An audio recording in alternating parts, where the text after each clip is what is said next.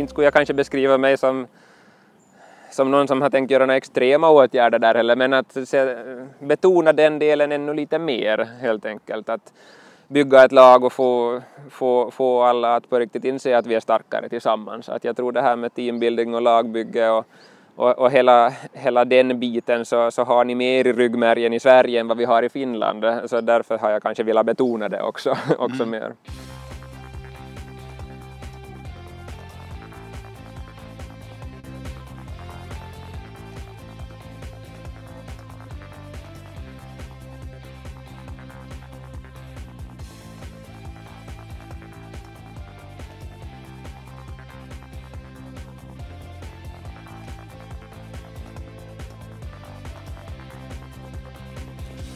Hej och eh, mycket varmt välkomna till Radio O-ringen Podcast och ett nytt avsnitt i serien. Den här gången så ska ni få träffa den nye finske förbundskaptenen i orientering. Fredrik Portin, finlandssvensk, och den här podden är på svenska för att det är Fredrik Portins modersmål och huvudspråk verkligen svenskan. Så att eh, det blev ett härligt samtal med Fredrik Portin om finländsk landslagsorientering framöver, hans tankar och hur han vill sätta prägel på träningen och om hur finländarna ska ta och resa sig ännu mer då inom världsorienteringen. Men den blir också naturligtvis en blick tillbaka. Finland har haft några tunga år verkligen och mycket stora skor att fylla. Definitivt på damsidan då efter Minna Kauppi-eran. Minna var ju en fantastisk orienterare och världsmästarinna. Och på här sidan har haft det riktigt, riktigt tungt under ett decennium nu. Egentligen svårt att fylla skorna efter Janne Lakkanen och Pasi Ikonen. Bägge världsmästare individuellt och där har man mycket att jobba med. Men ett klart framsteg i rätt riktning kom ju under VM i Norge tidigare år när de finska herrarna tog ett silver i herrstafetten där bakom Sverige som tog guldet. Och vi minns också att Venla Harjo tog ett brons på medeldistansen på damsidan. Ja, det är ett intressant möte här med Fredrik Portin, alltså den nye finländske förbundskaptenen eller headcoachen då för finska orienteringslandslaget. Och min första fråga till Fredrik, vad känner han sig? Mest som svensk eller finsk? Eh, jag känner nog mig finsk, absolut. Eh, mer än svensk, men vi, vi befinner oss lite mitt emellan på det sättet att speciellt i Österbotten där det är så pass mycket svenskt just där nära, nära kusten där jag kommer från. Eh, Nykarleby i Österbotten är min hemort egentligen, jag, eller jag är född i Pedersöre då som är eh, nästan grannort då också. Eh, men, men, men, men som barn, speciellt i Österbotten, så vi ser just på svensk TV och vi följer med väldigt mycket vad som händer i Sverige. Och nu på senaste år så har jag väl lite börjat följa med mera vad som händer på finska på finskt håll också, men som ung och ungdom så visste jag ju mycket mer vad som händer i svensk politik eller svenska tv-stjärnor och sånt så visste jag som betydligt mer än, fin, fin, än finska motsvarigheten i alla fall. Så vi, men ändå så är det lite där att bland de finskspråkiga så kanske de inte riktigt vet hur de ska förhålla, oss, för, förhålla sig till oss alltid då heller och sedan samma sak i Sverige att vi är lite sådär varken där, alltså vi befinner oss lite mitt emellan. Mm. men finsk mer än svensk känner jag nog mig men definitivt med en stark koppling till, till Sverige också i, och med språket förstås. Och du är naturligtvis uppvuxen då i en finsk, eller finlandssvensk familj? Ja, så är det att båda mina föräldrar har talat, talat svenska och eh, just där så länge man håller sig på kusten, det är en ganska smal remsa där på mm. kusten mm. som, som, som är väldigt svensk. Om det är någon som har, som har sett det här Värsta språket programmet med Fredrik Lindström så besökte han ju faktiskt Österbotten därför bara för några år sedan så lär det ju ha varit så att världens svenskaste ställe låg i Finland, ja, där det allra högst eh, andel procent talar, talar svenska. Så, mm. så, så svenskt är det, att håller man sig på det lilla området så behöver man inte använda någonting annat. Så, så det där, och så har det varit traditionellt ända sedan vi, vi hörde till Sverige, eller vi var samma land då också. Mm. Så det, det är en lite speciell situation. Men hur känner ni er, ni finlandssvenskar i Finland, känner ni er som en minoritet? Jo, nu är vi ju en minoritet. Ja, alltså. men känner ni som det också? Känner ni er mer och mer undanskuffade liksom? Nej, inte skulle jag säga det heller. Inte. Nu känner vi oss som en minoritet, jo, och vi vet ju som att, eh, att i större delen av Finland så så, så finns det ju ingen svenska, men det, där, där det finns då igen lokalt så är det väldigt framträdande. Men, men eh, att jag skulle ha haft någon direkt nackdel av det eller på det sättet så det kan jag nog inte påstå heller, inte egentligen i, i något sammanhang utan eh, jämlik känner jag mig nog jämfört med de andra, andra, andra i Finland också. Mm. Du, svenska språket då, i Finland? Det är idag drygt 4 procent ungefär som behärskar svenskan på ett bra sätt i Finland. Det är inte mm. så mycket om Nej. man pratar om siffrorna. Är svenskan hotad, tror du, som språk? Ja, det diskuterar vi ju mycket, mycket, mycket i, i Finland också. Att ska det vara obligatoriskt för alla att läsa svenska i skolan till exempel? Um, jag tror ju kanske inte att uh, viktigare än, än det exakta beslutet man gör i den frågan så är väl kanske attityderna man har jämfört eller gentemot varandra. Att finns det, finns det en acceptans, finns det en vilja att förstå varandra helt enkelt. Och, och när man lägger hårt mot hårt i den diskussionen då att ska vi läsa finska eller svenska då i skolorna så, så då kanske man lite får motsatt effekt till och med att man lite ja, lägger båda, båda poler mot varandra mm. så, så, så, så, blir resultatet negativt oberoende vad man kommer fram till. Så jag tror kanske egentligen inte att vi är hotade på det sättet. Jag tror nog att språket kommer att leva vidare och, och ja, jag är ju exempel också på själv att jag har ju då igen gift mig med en uh, finskspråkig och gått mm. över språkgränsen på det sättet att vår familj är tvåspråkig på det sättet att jag talar svenska med vår dotter och min fru talar finska med vår dotter och hon är fem år och talar båda två flytande. Så sådana familjer kommer det ju flera av hela tiden, så på det sättet tycker jag inte vi är hotade, inte, utan nu, nu lever det kvar, men det kanske ändrar form lite grann, finlandssvenskheten. Vi blandar in oss lite mer med mm. andra. Men är svenska fortfarande obligatorisk i, i eh, grundskolan i Finland? Jo, ännu, ännu är det det. Så alla, alla i Finland, oberoende var man bor, så läser lite svenska i, i Finland. Så det ska, det ska ni svenskar komma ihåg också att eh, bara man vågar tala, med, med, tala, finska, eller tala svenska med finländare så, så borde det nog finnas någon slags chans att det kommer något tillbaka också. Men att, men att eh, det är inte alla som skryter så mycket med det där att man, man man är inte så frimodiga att använda svenskan kanske i alla gånger. Mm. Fredrik, du är eh, nyutnämnd chefstränare för det finska orienteringslandslaget. Får säga grattis! No, tack, tack! Hur känns det? Det känns jättebra. Spännande läge, stora skor att kliva i definitivt. Snabba ryck har det varit de här senaste åren men jag tycker det känns rätt och jag trivs i rollen som ledare.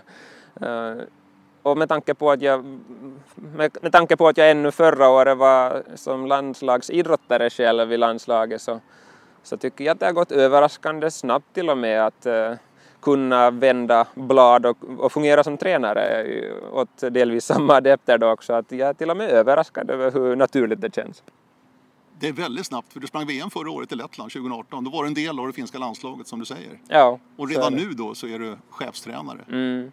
Nej, nu har jag ju... Det, här, det har ju egentligen kommit de här senaste åren då när jag har börjat jobba som tränare då också mer och mer att det är nog det här jag vill göra och haft nog inom mig att eh, landslagstränare vill jag absolut vara i något skede. Men uh, att det skulle gå så här fort så är ju kanske till och med lite en överraskning för mig själv också, mm. det måste jag väl erkänna. Mm. Spännande. Jag tänkte vi ska prata mycket om eh, din filosofi och din vision lite grann nu för det finska orienteringslandslaget. Lite om din bakgrund också och om, som vi pratar mycket om i Sverige och även andra delar av orienteringsvärlden, varför växlar inte finländarna upp? Alltså, vi har mm. väntat på det. Alltså, framgångarna, det är, det är ett tag sedan nu riktigt ordentligt. Ja, det är ju är Mina Kauppi-eran då på damsidan och Janni Lakkanen egentligen mm. på här. Sen Pasikkonen ska vi inte glömma bort heller. Men mm. det har varit ganska tunnsått de senaste tio åren om vi ska vara riktigt ärliga. Ja, ja, så, så det, det blir också intressant att prata om. Men först om eh, dig Fredrik. Mm. Hur hittade du orienteringssporten? Var det givet för dig eller? No, jag är ju på det sättet en typisk orienterare nu eftersom jag har haft eh, min min, min, pappa som har orienterat själv och på det sättet blivit vuxen upp. Jag har vuxit upp med sporten helt enkelt. Men nu har jag hållit på med en hel del annat också. Kommer från en småstad, Nykarleby, som jag sa, så har jag, har väl, har jag, jag har ju nog testat på det mesta som gick att göra i Nykarleby också. Men, men nu har jag väl ändå känt att orienteringen är min grej ganska från första början ändå. Att det här naturen har varit väldigt viktig för mig. Jag tycker fortfarande att det är en stor grej varför jag överhuvudtaget är intresserad av sporten. Att gå ut i skog, skogen och, och på det sättet att det är där vi har vår arena oftast. Då. Och eh, sedan är tanke, tankenötterna samtidigt som man löper och att ställas mot nya utmaningar hela tiden. Så det fascinerades jag ju nog tidigt av i alla fall. Mm. När fick du dina framgångar och kände att det här, jag kan nog bli bra i det här?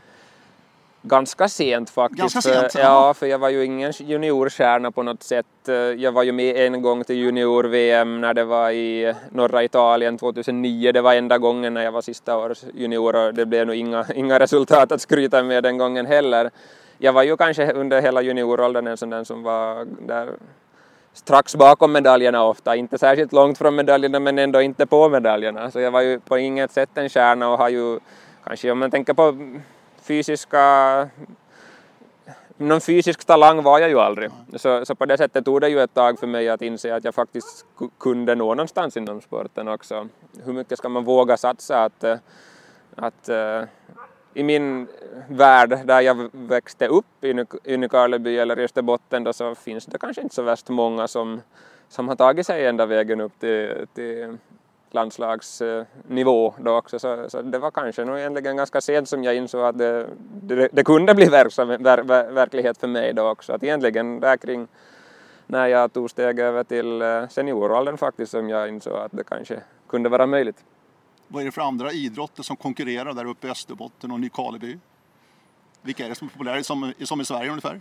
Um, ja. Jag menar fotboll, ja, ishockey. Fot ja, men så är det ju nog. Fot fotboll, ishockey är nog populära på många ställen i Finland också, också där. Eh, bland uthållighetsidrotterna så är ju skidåkning eller längdskidåkning ganska populärt där faktiskt fast man, fastän det kanske inte det, det är inte det snösäkraste området i Finland men det finns en tradition av längdskidåkning där i Österbotten också och det, och det var ju nog den sport som hängde med längst för mig också på sidan om orienteringen då också eller som jag kanske aldrig riktigt har släppt. Jag tycker väldigt mycket om att, att äh, åka skidor på vintern också fortsättningsvis. Mm. IF Minken, är det en moderklubb? Ja, så är det. det, beror på, eller det namnet kommer från att det, eh, Nykarleby är den kommun i Finland som har eh, all, de allra, allra flesta pälsfarmsområden, eller pälsfarmer. Minkar och revar föds upp eh, i i, i burar. Ja, det, så, ja. det, det, är en lite särart för, för det område där jag kommer ifrån, så där, därav namnet. Just det. Vet du var det är i Sverige någonstans som har de här minkfarmarna, vilket område som är mest, tror jag i alla fall, jag ska säga. Nej, jag är inte säker Blekinge. Faktiskt. Ja, det kan mm. hända. Mm. Där har de gott om minkfarmar också. Ja, ja. men de, de, de, de, klumpar lätt ihop sig lite ja. och Österbotten är, svenskspråkiga Österbotten är ett sånt ställe i Finland. Mm. Har du alltid gillat att träna? Ja, det har jag ju. Det, har jag ju. Det, det, det är ju nog därifrån allt, allting har börjat också. Att jag, jag, jag tycker om att träna fortsättningsvis också, även om jag kanske har andra, andra mål nu när inte längre på egen, för egen del satsar lika högt. Men att det, att det är kul att träna så finns ju kvar, så därför har jag ju inte kunnat sluta träna totalt i alla fall. men mål och ambitioner hade du som senior? För att du har sprungit ett antal VM till exempel. Mm. Med, go med god resultat, topp 10 har du varit individuellt. Ja, jag bombarderade ju det där tio strecket ganska ja. många gånger men kom, kom, kom ju aldrig sådär, det, det, det, blev ju aldrig det där sista steget för mig heller men där kring tio har jag ju varit flera gånger. Nionde var jag väl bäst individuellt på EM och tionde på VM då men mm. flera, flera placeringar kring det. Kan du känna besvikelse över det när du nu har lagt ner din aktiva karriär, att du inte nådde högre? Um, inte längre. Eh, det kanske var en sån där sak som gjorde att jag ville försöka några år till just de här sista åren när jag, när jag, när jag satsade. Att, eh, att, ehm, fastän jag kände att jag har andra delar i livet, familjen och jobbet och sådär som, som jag faktiskt uppskattade och tyckte att det var viktiga men, men kanske att jag vill, kände att jag vill, jag vill känna att jag har gjort allt och försökt på olika sätt eh, innan jag lägger av. Så, så det gjorde att jag kanske fortsatte ett par år till än vad jag kanske skulle ha egentligen kunnat gjort också. Men uh, när inte heller gav önskat resultat eller högre resultat så då inte vet jag egentligen om jag efterhand känner, det, känner besvikelse för egen del. Klart när man tänker tillbaka på enskilda lopp så nu kan det väl finnas en viss sådär besvikelse men, men sådär som helhet så nu uppskattar jag resan framför allt eh, och jag tror egentligen inte att eh, jag skulle ha varit nöjdare idag med livet överhuvudtaget om jag, även om det skulle ha blivit några fler framskjutna placeringar. Så, så det som jag har fått vara med om i vilket fall som helst så väger nog tyngre mm. i alla fall. Mm. Nu har du tagit som chefstränare, vi kommer till det om en stund. Men vad upplever du som det bästa med att vara med på den nivån där du har varit? Du har ändå varit en världsklassorienterare Fredrik i det finska landslaget. Vad är det bästa, när njuter du som bäst av de där stunderna om du tittar tillbaka? Är det under själva tävlingarna, mästerskapen eller är det själva prepareringen, lägren, kamperna och de här bitarna? Vad, vad, vad minns du bäst liksom från din aktiva karriär på den där nivån? Visst minns man ju också de där eh, starterna på, på internationella mästerskap när man har, har den här adrenalinkicken mm. som man ju nog kanske efterhand lite det, är svårt att komma upp till den nivån i det dagliga livet så där annars i vardagen. Så visst är det ju någonting som man kommer ihåg men, men nu är det ju, ser man det ur lite större perspektiv så nu är det ju ändå de där övriga resorna eller alla andra förberedande resor. Alla platser man har fått se i orienteringen så får man ju se så många platser som man aldrig i livet annars skulle ha sett när man rör sig förbi det eller lite mer i periferin helt enkelt och, och, och, på det sättet får kontakt med andra människor och andra ställen som man aldrig skulle ha, skulle ha gjort annars. Att nu är det ju det som man ändå mest kommer ihåg. Mm. Alla, alla ställen man ser, alla människor man har träffat. Mm. Vad har du trivts som bäst rent terrängmässigt? Vad har passat dig bäst Fredrik? Uh, terrängmässigt så tyckte jag ju väldigt mycket om det här året när vi bodde i Halden. Ja. Att jag tyckte, ja det var ju nog som en drömterräng och jättefina kartor och träningssällskap eh, och allting gemenskap där så, så det året i Halden är nog definitivt någonting som jag minns med värme.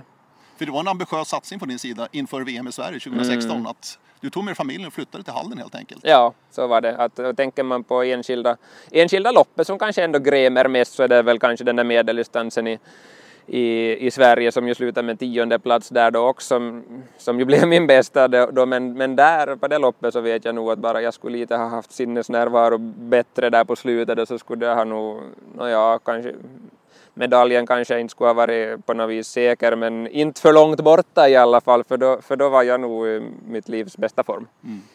Men det beslutet att flytta till Halden som elitidrottare i orientering som ju inte är en idrott med stora pengar. Mm. Det är ett stort beslut för dig och familjen. Ja. Hur resonerade ni? Varför tog ni beslutet att göra sådär? Var, var din ambition att verkligen lyckas på ett VM som var drivande? Ja, nog var det ju en bidragande orsak, men nu skulle jag säga också att äh, ända sedan jag har varit liten och följt med storstafetterna så där så har ju Halden skiklubb varit en sån här förening som har plockat fram, eller som har plockat hem, hem guldmedaljerna många gånger. Och, och lite samma sak för min fru då också som ju är orienterare också som är ganska typiskt för orienterare att, att det är ju en gemensam hobby och en gemensam livsstil som vi ändå har och, och hade, hade då på den tiden också. Så, så att, att vi båda hade sett upp till Halden som, som ett lite sådär legendariskt ställe så bidrog ju nog absolut också mycket. Det var nog en kombination där. Mm. Och nu då chefstränare, ett jobb som annonserades ut som du sökte. Ja. ja. Hur gick själva processen till?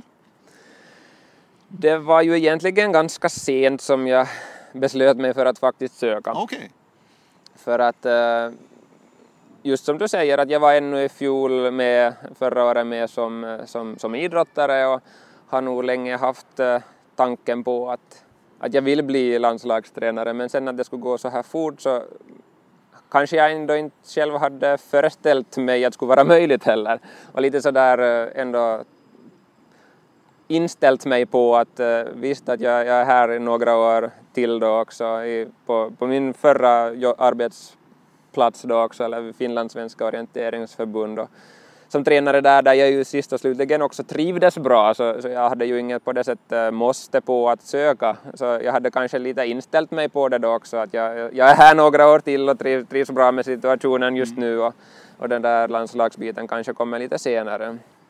Dessutom så kanske jag var lite sådär också för familjens del att, att uh, vilja vara borta så mycket som det krävs eller hur, hur, tar, hur tar familjen det då också för visst innebär det ju betydligt fler resor helt mm. enkelt i det här jobbet också men att det som fick mig att ändå söka var ju kanske just att jag, många saker som sammanstrålade, att jag märkte konkret när jag har jobbat med det här talanglandslaget eller utvecklingslandslaget i finska orienteringsförbundet förra året, att det går kanske lättare än jag har förväntat mig att ta ledarrollen ändå, i, också i landslaget.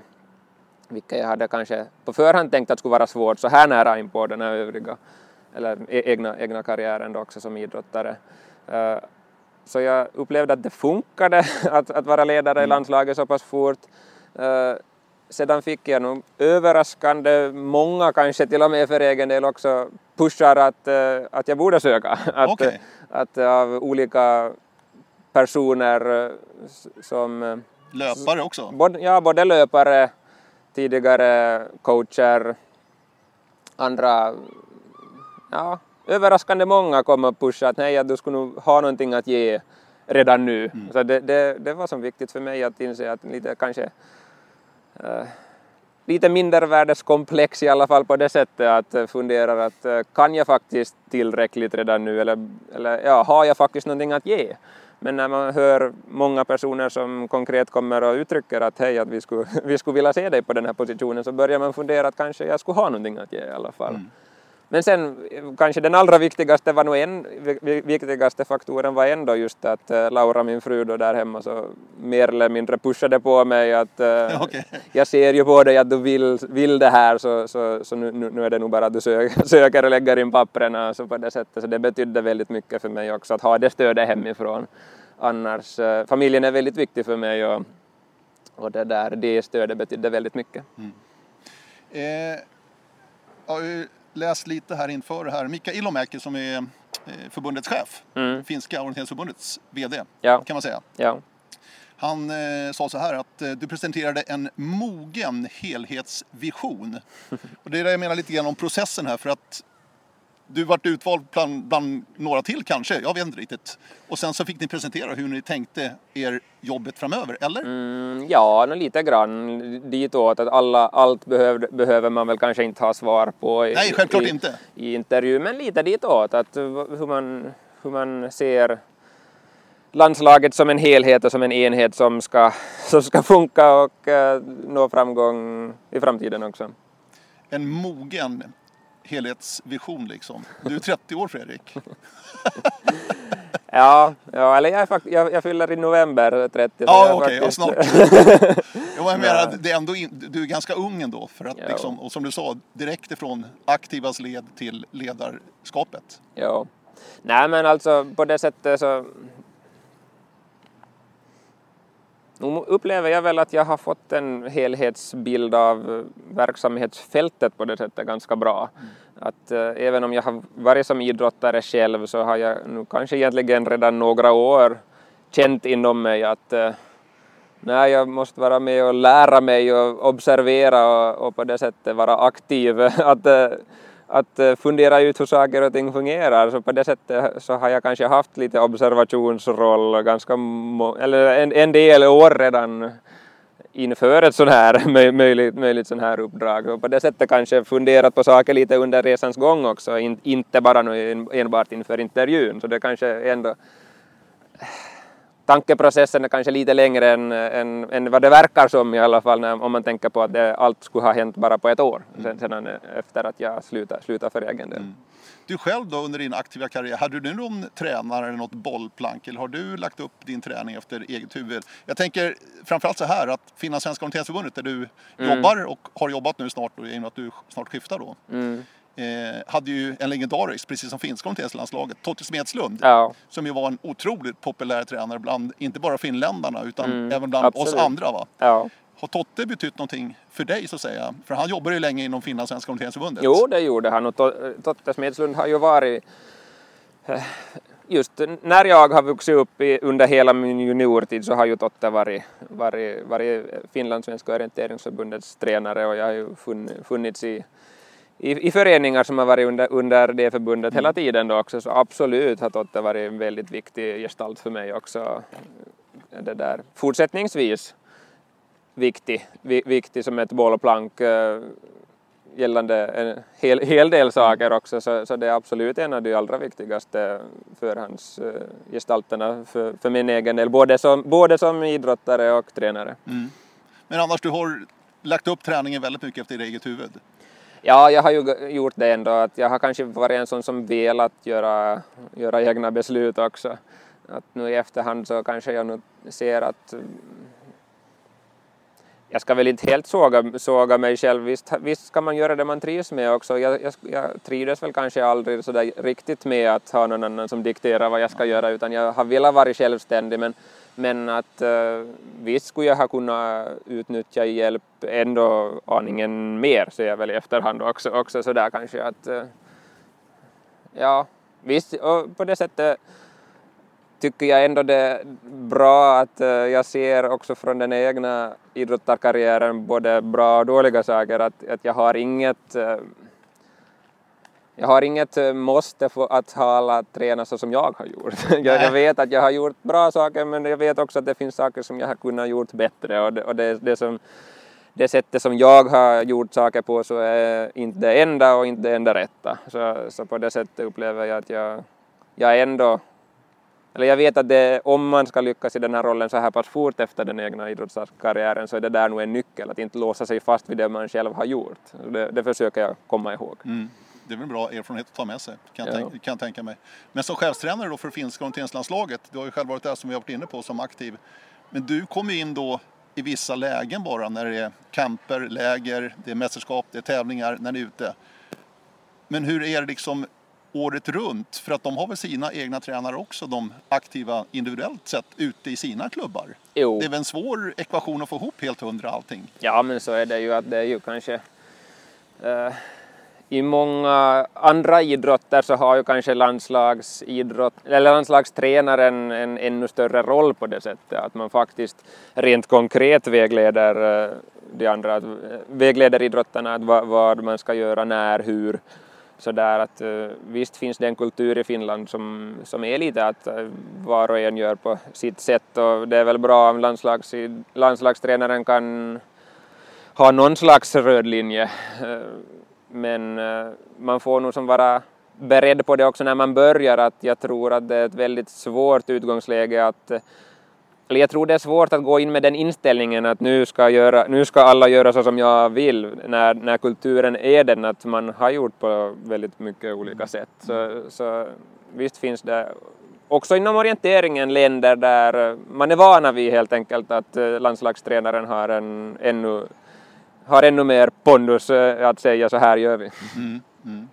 Du inleder med att säga att det är stora skor att fylla nu den positionen du får som chefstränare. Du tar ju över efter Petter Ikari som mm. varit med några, några år. Vi träffas här i Laufen förresten i Schweiz. Ja. Så att du är lite mer här att se och lära eller? Ja, jag, egentligen börjar ju mitt nya jobb första oktober ja. så jag tjuvstartar lite grann här med en, en, en och en halv vecka eller en dryg vecka. Så mm. det där, jag är lite med och se, se och lära helt enkelt och det är jättekul att vi kan göra det här bytet så här pass smidigt också. Och Petter Ekahäri kommer ju fortsättningsvis att finnas med inom, eh, inom förbundet lite som, eh, som, eh, som min chef då egentligen, eller som koordinator över hela träningsverksamheten. Mm. Så han, han finns ju kvar men i annan roll. Mm.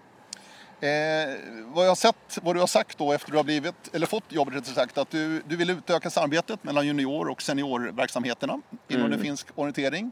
Eh, och det här med sammanhållningen, lagandan, sätter du väldigt högt upp på eh, agendan Fredrik.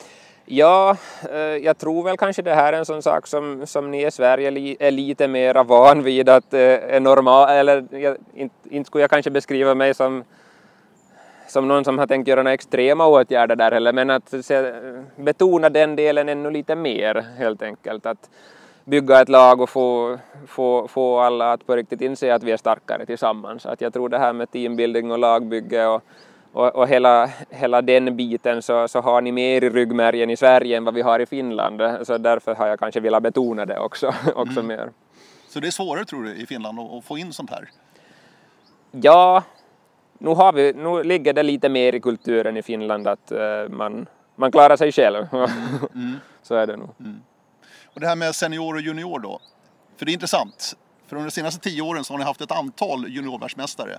Mm. Och de har inte växlat upp, inte fått en utveckling riktigt att ta steget upp som seniorer. Mm. Eh, med ett undantag, det är Venla, Venla Harju då, Venla mm. Niemi som hette när hon blev juniorvärldsmästare innan. Hon tog ett silver i år, eller brons förlåt, ja. på medeldistansen. Men i övrigt kan jag notera då Olli Ojanau som ju dominerade junior-VM under några år. Kirsi Nurmi, Anna Hataja, Ida Hapala som vann i år. Mika Kirmola, också gammal juniorvärldsmästare som har växlat upp i år. Eh, tog ju silver på stafetten och framförallt kanske skulle vi säga Olli Marcus Taivainen. Mm. Som var bra då 2009 förresten när du var med i Italien. Exakt, ja, ja. Vi, är, vi är jämngamla med, med Olli Marcus. Men varför? Vad är det som händer? Eller vad är det som inte händer rättare sagt Fredrik? För det här måste ni också diskutera väldigt mycket. Såklart är det så. Såklart är det så. Det, det är det där... Det är det där... Um, du har nog helt rätt att det är nog en sak som vi har varit dåliga på det där i Finland, att ta vara på våra talanger, att vi har vi har på sätt och vis ett för bra system som, juniorer. För bra system? Nej, eller, eller som... Man kan fundera på det där, att hur ska man ta nästa steg efter att ha, ha haft eh, väldigt bra mm. förhållanden redan som, som, som, junior. Att om jag jämför med, med det där med Sverige och Norge och andra ställen så där så det, det kanske är många som ploppar upp från sådana ställen som så tar nu Olav till exempel från Ålesund eh, som verkligen är inte, inte är någon orienteringsmecka i Sverige och inte har så mycket serverat från första början utan får slå sig fram lite som själv därifrån. Och, och, och därifrån då tar, tar sig till en miljö i Halden och där det finns alla möjligheter då från början eller som runt omkring. Och då kanske det är lättare att höja nivån då också och fortsätta utvecklingen. Men i, i Finland så ja, vi ska väl inte satsa på att göra det sämre för juniorerna heller, men, men, men att ta det där i beaktan, att, att serverar vi allting på silverfat redan som juniorer och sedan äh, lämnas man ensam då när man tar, tar steg över till seniorklassen. Att, att äh, lite ditåt kanske det väl stundtals har varit, så, så absolut är det en sak som jag vill satsa på det där att hur vi tar vara på de här gänget som tar, tar steget från juniorklassen till seniorklassen och satsa på dem, som, den här talanggruppen som, som jag ju har varit med och tränade, tre, tränat i, i fjol då också. Äh, Topi Syrjeläinen till exempel kom, kom till VM från den gruppen också. Att, att nu har vi sådana som, eh, som finns där just nu men att eh, ser vi på, på historien och hur det har varit de här senaste 10-15 åren så har det nog varit just de här talangerna som vi har varit för dåliga helt enkelt att ta, ta hand om. Man har blivit lämnad ensam, ensam med utmaningarna när man byter många gånger boningsort och börjar studera och kanske saknar, saknar det här stödet, saknar nätverket och, vet, och ställs ensam mot alla utmaningar då också. Så, så det är nog som en sak att vi tar vara på de här talangerna helt enkelt, satsar på dem och har, jag har fortsättningsvis tänkt ha en skild tränare på det, på det, för, för dem också, på motsvarande sätt som ni har i Sverige också med ut, utvecklingslandslaget. Um, men sen tror jag nog det är en del det också, och det är ju ingenting som ändras över en natt, men men det där att eh, vi ser, vi borde se tycker jag landslaget som en enda enhet, som en enda kärna och sedan finns det juniorverksamhet så finns det seniorverksamhet inom det hela. Lite grann kanske, eller det är väl det som jag vill kanske på sikt jobba, jobba mot då, att vi ska se oss som samma, samma sak och som har samma, samma mål och samma mission. Mm. Uh, inte det där då att la, ungdomslandslaget är som en skild, skild verksamhet och sedan en seniorlandslag är en skild verksamhet, då blir det, det steget däremellan många gånger svårt att ta. Så, har det varit så eller? Väldigt skilt? Ja, jag ska väl vara för, för kategorisk om jag säger att det är precis så det har varit, men kanske lite ditåt mm. i alla fall. Mm. Att eh, det, det, den, ja, lite ditåt hade det väl kanske, kanske varit. Mm. För innan den här, de här senaste tio åren då har det varit ganska tunnstått. Mårten vann i och för sig ett brons då hemma i Finland 2013, i Mårten Boström alltså, på sprinten. Eh, men efter Minna Kauppi, Helle Jukkola-eran då på damsidan, framförallt Minna Kauppi och Janni Lakanen var i sig med 2013 och tog silver där bakom Thierry. Ja. Också Finland förvisso. Och Pasi Ikkonen. Mm. Har pressen varit för stor på de här juniorerna att ta nästa steg? Blir det nya Janni Lakanen eller blir det nya Minna Kauppi? Ja, men det är ju nog just det som är grejen och där har jag ju väldigt personlig erfarenhet av det också. Att jag upplever nog att då när jag var i den åldern och just när jag började, började klara mig där när 2012 när jag hade mm. varit några år i, i eh, seniorklassen och det var ju första året som jag egentligen slog mig fram då på landslagsnivå. Och de där åren efter det så, så där blev nog som pressen väldigt stor upplever jag på, på mig själv som individ. Att såklart, det var ju jag själv som valde att ta den stressen och jag, jag kunde ha som själv förstås behandlat det mycket mer också. Men, men jag tycker att eh, just orienteringen är ju väldigt stark i Finland om man ser på orienteringen som helhet. Och som breddsport och motionsidrott så är ju orienteringen väldigt framme i Finland. Väldigt uppskattad sport och, och väldigt eh, ja, en sport som folk följer med helt enkelt. Så på det sättet så tycker man ju absolut att det är konstigt att det inte kommer fram flera, flera, flera, flera löften då också. Men att det kanske har blivit lite stundtals lite som för desperat jakt efter den här nya, nya Messias där också som kommer och, och det där eh, tar oss tillbaka till den nivå där vi vill vara på. Så, så där så upplever jag väl nog själv också att jag kanske fick, eh, fick från lite onödigt många håll sådana vinkar om att eh, nu, du, du ska vara den nästa och då kanske jag tog det lite hela nationens ansvar på, mitt, på mina egna axlar också.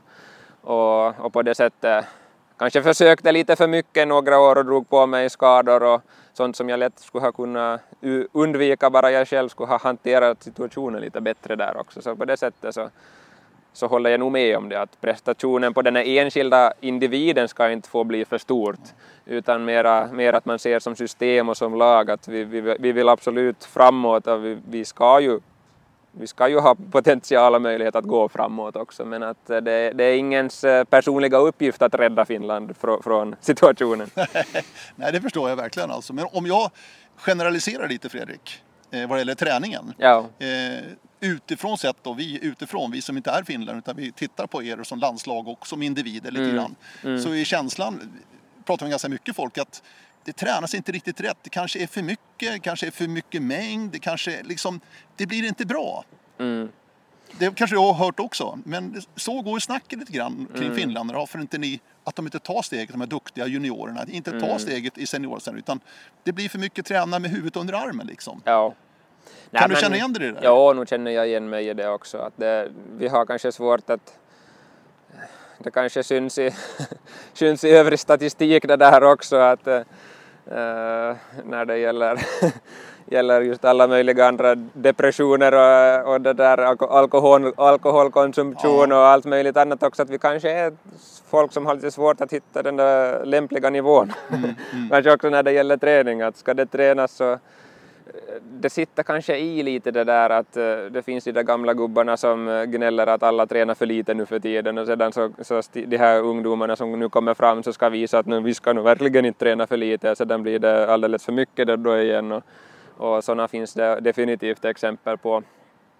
Eh, och så kanske sådär lite den där envisheten som jag talade om tidigare också att man kanske vill visa att man man kan ensam och man, man vet nog själv hur man ska göra, att den inställningen kanske sitter i lite där också, att man kanske inte är lika på alla håll lika, lika intresserad av att på riktigt mäta, upp, mäta och följa med utvecklingen, eh, sätta den där utvecklingen i fokus, utan kanske mera jag säger inte att alla gör det, men det kanske finns en klick som tycker att eh, det det är mer värt i sig att träna mycket, mycket mängd eller det är det som är, det är det som är grejen, sedan är utvecklingen en bisak men att man kanske borde vända på det hela, det är utvecklingen vi vill åt och sedan så hur man tar sig dit så kan, kan man sen diskutera. Men att sätta utvecklingen i fokus och faktiskt uh, reflektera över hur vi ska nå dit på, på allvar så det, det är nog dit som det är den vägen vi ska ta, så nu håller jag med om att det finns, det finns kanske lite grann i, i kulturen som, som ligger, ligger oss till last. Mm. Du, jag tänker 18 år tillbaka, skid-VM i Lahtis 2001, mm. som ju var en disaster, en katastrof för finsk skididrott framför allt. Men finsk idrott också i stort skulle jag vilja säga. Ja. För det befläckade ju enormt, enormt mycket idrotten. Mm. Är det någonting finländsk idrott fortfarande lider av här lite grann? Skulle du säga? Jo. Det, har, ändå gått 18 år, vet du. det är 2001, tiden mm, går. Men det... ändå, det var en sån otrolig katastrof. Jag var ju där själv och jobbade. Ja, det var ju fruktansvärt. Ja, ja alltså det, det är nog definitivt. Och tänker vi på speciellt uthållighetsidrott ja, som, som, som, som en alltså. stor klump då ja. också, så visst syns det fortsättningsvis. Man ser på friidrotten också, de blir ja. det också. Det kommer inte fram någonting nästan på finländsk. tänker man på just sponsorer, så där li, lite grann börjar vi ju komma på fötter, men, men visst syns det fortsättningsvis i, i vilka ja, just när det gäller sponsorering och, och så vidare, att folk är aningen, aningen mindre intresserade av, av att sammankopplas med uthållighetsidrott av, av den orsaken så det, det, det sitter nog faktiskt djupt, djupt, djupt i dessa åren. Uh, en del kanske blev lite cyniska av det hela då också. Det finns kanske lite båda, båda, delar, båda delar. En del uh, blev bara deprimerade av situationen, att hur kunde vi bete oss så här? Andra tänker att nej, men det var bara orättvist att det var vi, vi som blev straffade för alla andra höll på den tiden också på med det och är som väldigt snabba att döma då alla, alla andra som, som, som åker fast på lite, lite motsvarande sätt nu då också på det sättet så finns det lite som, ja det finns som en sån viss spänning kring hela hela ämnet dopningshärvan fortsättningsvis faktiskt eh, i, i hela landet så vi ska väl inte säga att det, det är färdigt behandlat ännu tyvärr nej, heller. Nej. Annars kan ju vi som utomstående titta lite avundsjukt på Finland också. Yle, tv-sändningar, Huippoliga sänds väl fortfarande i Finland? Uh, ja, eller faktiskt Eller till och från? No, eller Huippoliga finns faktiskt inte i dess tidigare okay. form längre men uh, men bara för, no för, bara några år sedan så kom det. Men, men annars, jo, Jukola sänds ju, sänds ja, ju, sänds ju alltid ja. och, och världscupen och på det sättet när det gäller synlighet så, så är vi ju nog bra på att föra fram orienteringen i Finland. Ja, och det kan ju vi se i Sverige då lite avundsjukt på Finland hur, hur bra ni har det med Yle då som, som verkligen ser orienteringen som en, en intressant idrott att visa. Ja, det var det jag var inne på också, att det, det, det, orienteringen ses nog som en uh, seriös idrott ändå, ändå i Finland och, och som en eh, idrott som, som många följer med. Att, uh, vi talar lite här, här på förmiddagen faktiskt med, med andra nationers idrottare kring det där också just att, uh, att sådana som Janne Salmi, Minna Kauppi är ju sådana idrottare som alla i Finland känner igen och vet, vet vem de är. Att även om det finns sådana som Thierry, eh, sådana som har varit dominant i sin egen gren eh, på ett ännu, ännu större sätt då, men att, att de kanske ändå inte i det egna landet uppskattas eh, av den breda massan på samma sätt. Mm. Så, så är det. Mm. Eh, nu tar du över som chefstränare i Finland, alltså finska orienteringslandslaget. Eh, känns ju väldigt spännande tycker jag Fredrik. Ja, men Knappt det tycker, 30 år fyllda, det är otroligt det imponerande. Men ja. kul måste det vara för dig nu att känna ändå att det börjar ändå röra på sig med VM i Norge då eh, som en fin, eh, fin vecka för finska orienteringen då jämförelsevis hur det har varit de senaste åren.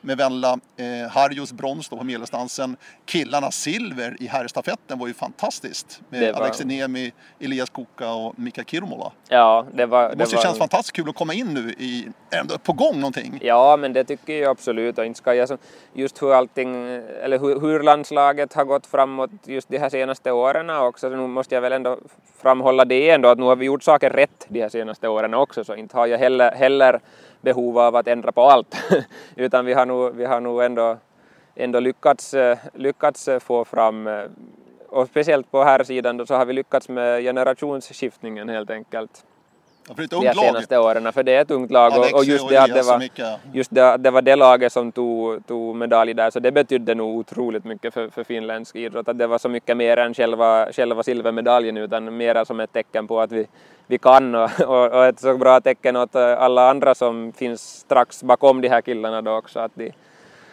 uh, Nej, de, de fortsätter bara så, så ligger de också snart där. Att det, det är så mycket enklare nu när någon har gjort det här första steget och lite det som som, som, som, som vi var inne på tidigare också, att man får inte för desperat söka det här första steget, men bara någon väl tar det så kan det vara lättare att rida, rida på den vågen vidare. Mm. Och det hoppas vi förstås att vi gör. Mm. Och i världscupen, vi är ju världscup runda nummer tre här i Laufen i Schweiz. Marika Teine ligger tvåa efter suveräna Tove Alexandersson och Mika Kirma ligger sexa. Det var länge sedan Finland hade en så pass hög placering. Ja, I fjol var ju Alex Enemi 24 tror jag som bästa Finland totalt sett och åren innan dess var det du mm. då också runt några placeringar, ja, runt 25. Någonting, någonting sånt. Ja. Så att det har ju hänt någonting i alla fall. Ja, ja, det har det. Och, det, och det, jag måste fram, framhålla just de här herrarna också, att de fungerar verkligen som ett lag. Elias, Elias Mika och eh, Alexi där då, och, och, plus några till då, plus Olli, Olli och Janaho och de andra också. Så, så, så det att vi faktiskt inser att vi, att vi har att vinna som lag och att vi är starka tillsammans. Så där har det nog skett en attitydförändring också de senaste åren. Så det, det, det, det, det, det är jag själv väldigt glad över ändå. Mm. Jaha, första oktober, vad händer då Fredrik? Vad ska du göra första arbetsdagen? um, ja, jag vet inte riktigt. Nej, det är ganska mycket som ska, som ska planeras nu de här närmsta veckorna också. Att, eh, att, eh, ganska intensiva veckor framöver med att eh, bygga, bygga team och säkerställa vem som har möjlighet att vara med på vilken nivå, i vilken roll i landslaget nästa år och sedan att slå fast kalender inför nästa år då också och sen Sen är det ju inte så länge förrän jag åker med till världscupen i Kina då heller så det, det blir ganska intensiva veckor, veckor helt i början faktiskt. Mm. Du, eh, VM är ju ny, nytt format nu. Det är skogen varannat år och sprint urbant varannat år. Vad, vad, tycker du om den här omgörningen av VM-programmet? Nu är det som det är. Det är som det är. Har du några synpunkter på det? Ja, egentligen tycker jag att det, när man har talat med idrottarna så är det många som tycker att det är helt okej okay egentligen. Att det, det, det, där, det blir en naturlig uppdelning där och man behöver inte fundera så mycket längre att hur mycket ska jag satsa på sprint och hur mycket ska jag satsa på skog och på det sättet att det blir mer tydligt att nu satsar du på sprint och nu satsar du på mm, skog och mm, mm. gör det enklare med prioriteringar helt enkelt. Så jag tycker det är helt okej okay utveckling. Mm. Och då är sprint-VM nästa år då i Danmark. Hur står ni er? Hur, hur är läget sprintmässigt i Finland skulle du säga Fredrik? Uh, lite kanske vi ju nog lider där också av den här traditionen att, uh, att uh, orientering, riktig orientering ska fortsättningsvis för en del då kanske vara, vara långdistans i krävande terräng i skog. Så visst finns det väl lite kvar av den inställningen också men, men eh, nej, nu har vi ju ändå i Finland när det gäller att arrangera sprintar och så vidare så har vi nog kanske varit ändå flera gånger en förhandsgestalt där också i alla fall som har varit med och utvecklat olika just det här, de här, eh, de här det där konstgjorda föremålen, konstgjorda hindren, staket och så vidare som nu används kanske på lämplig nivå då jämfört med vad det var kanske de här första åren när det infördes då där 2012, 12, 13. Imatra var kanske inte det bästa exemplet på det men i alla fall att vi har nog sådana personer ändå i Finland som är väldigt intresserade och drivna av just sprint så nu finns det, finns det där det där intresset för, för det också men att eh, för att på riktigt kunna klara oss så nu ska, nu ska ju fysiken ett steg framåt för, för, för, för hela laget då också för att kunna vara med och kämpa i synnerhet då i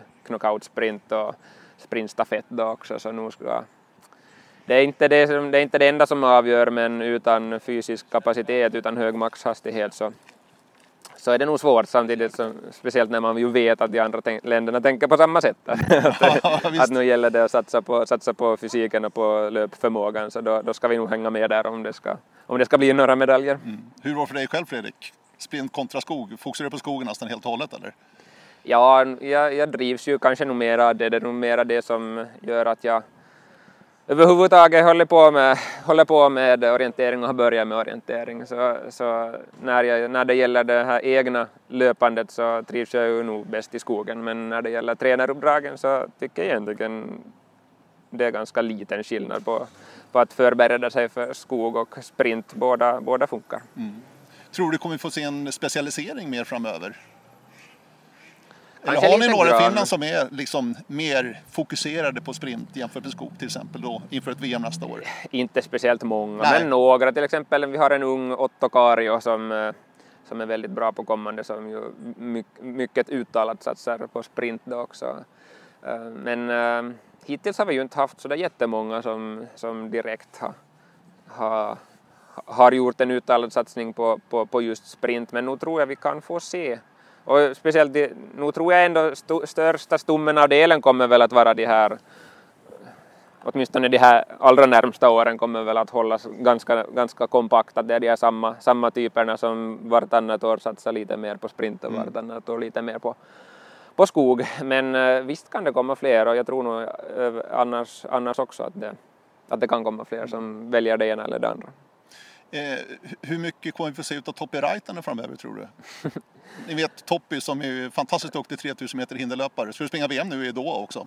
Ja. Eh, har gjort fantastiska framsteg. Men har ändå sett att han har sprungit en del, framförallt stafetter under året. Ja, han har. Och sprungit se några. tycker jag. Han har sprungit några stafetter, att han vill inte lämna orienteringen helt. förlor- han är inte förlorad för orienteringen tror du? Nej, inte han förlorar, men jag tror ju nog ändå att han vill, han vill nog några år nu åtminstone satsa helhjärtat på löpningen, så, så internationella starter tror jag inte kommer, kommer, kommer för Toppis del, utan han vill nog hålla sig till löpningen. Men däremot just på stafettsammanhanget, om det passar i, i, i programmet i övrigt, så springer han nog säkert, säkert några, några stafettlopp per, per år också i framtiden. Men, men eh, sen vad som händer efter, efter att han har satsat fullt ut på löpningen då några år så det, det får man se att eh, han är ung ännu och allt kan hända så visst, visst hoppas jag ju att han kan, i något skede kan göra en comeback också som orienterare på allvar.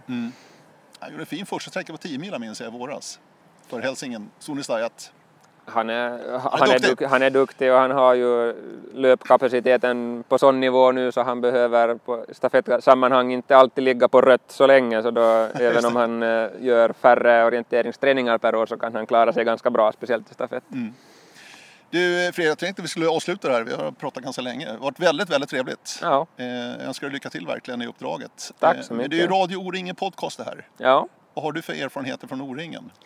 Har du sprungit några stycken? Ja, jag har sprungit några, men faktiskt inte så där eh, överdrivet många. Det har många somrar blivit någonting annat den där tidpunkten.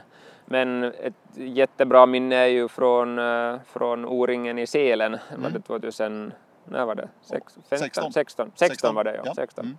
Så den där sprinten där så var ju någonting speciellt och som jag fortsättningsvis absolut kommer ihåg när vi sprang uppe på Lindvallen och, och det var så många som bodde i det området som annars också bara stack, ur, eh, stack, stack ut näsan från, från dörren då också och, var på plats där och väldigt kompakt och, och den, den stämningen, att så mycket folk på plats så tror jag det aldrig har varit under en sprint som jag har sprungit så det var nog en speciell stämning som jag minns.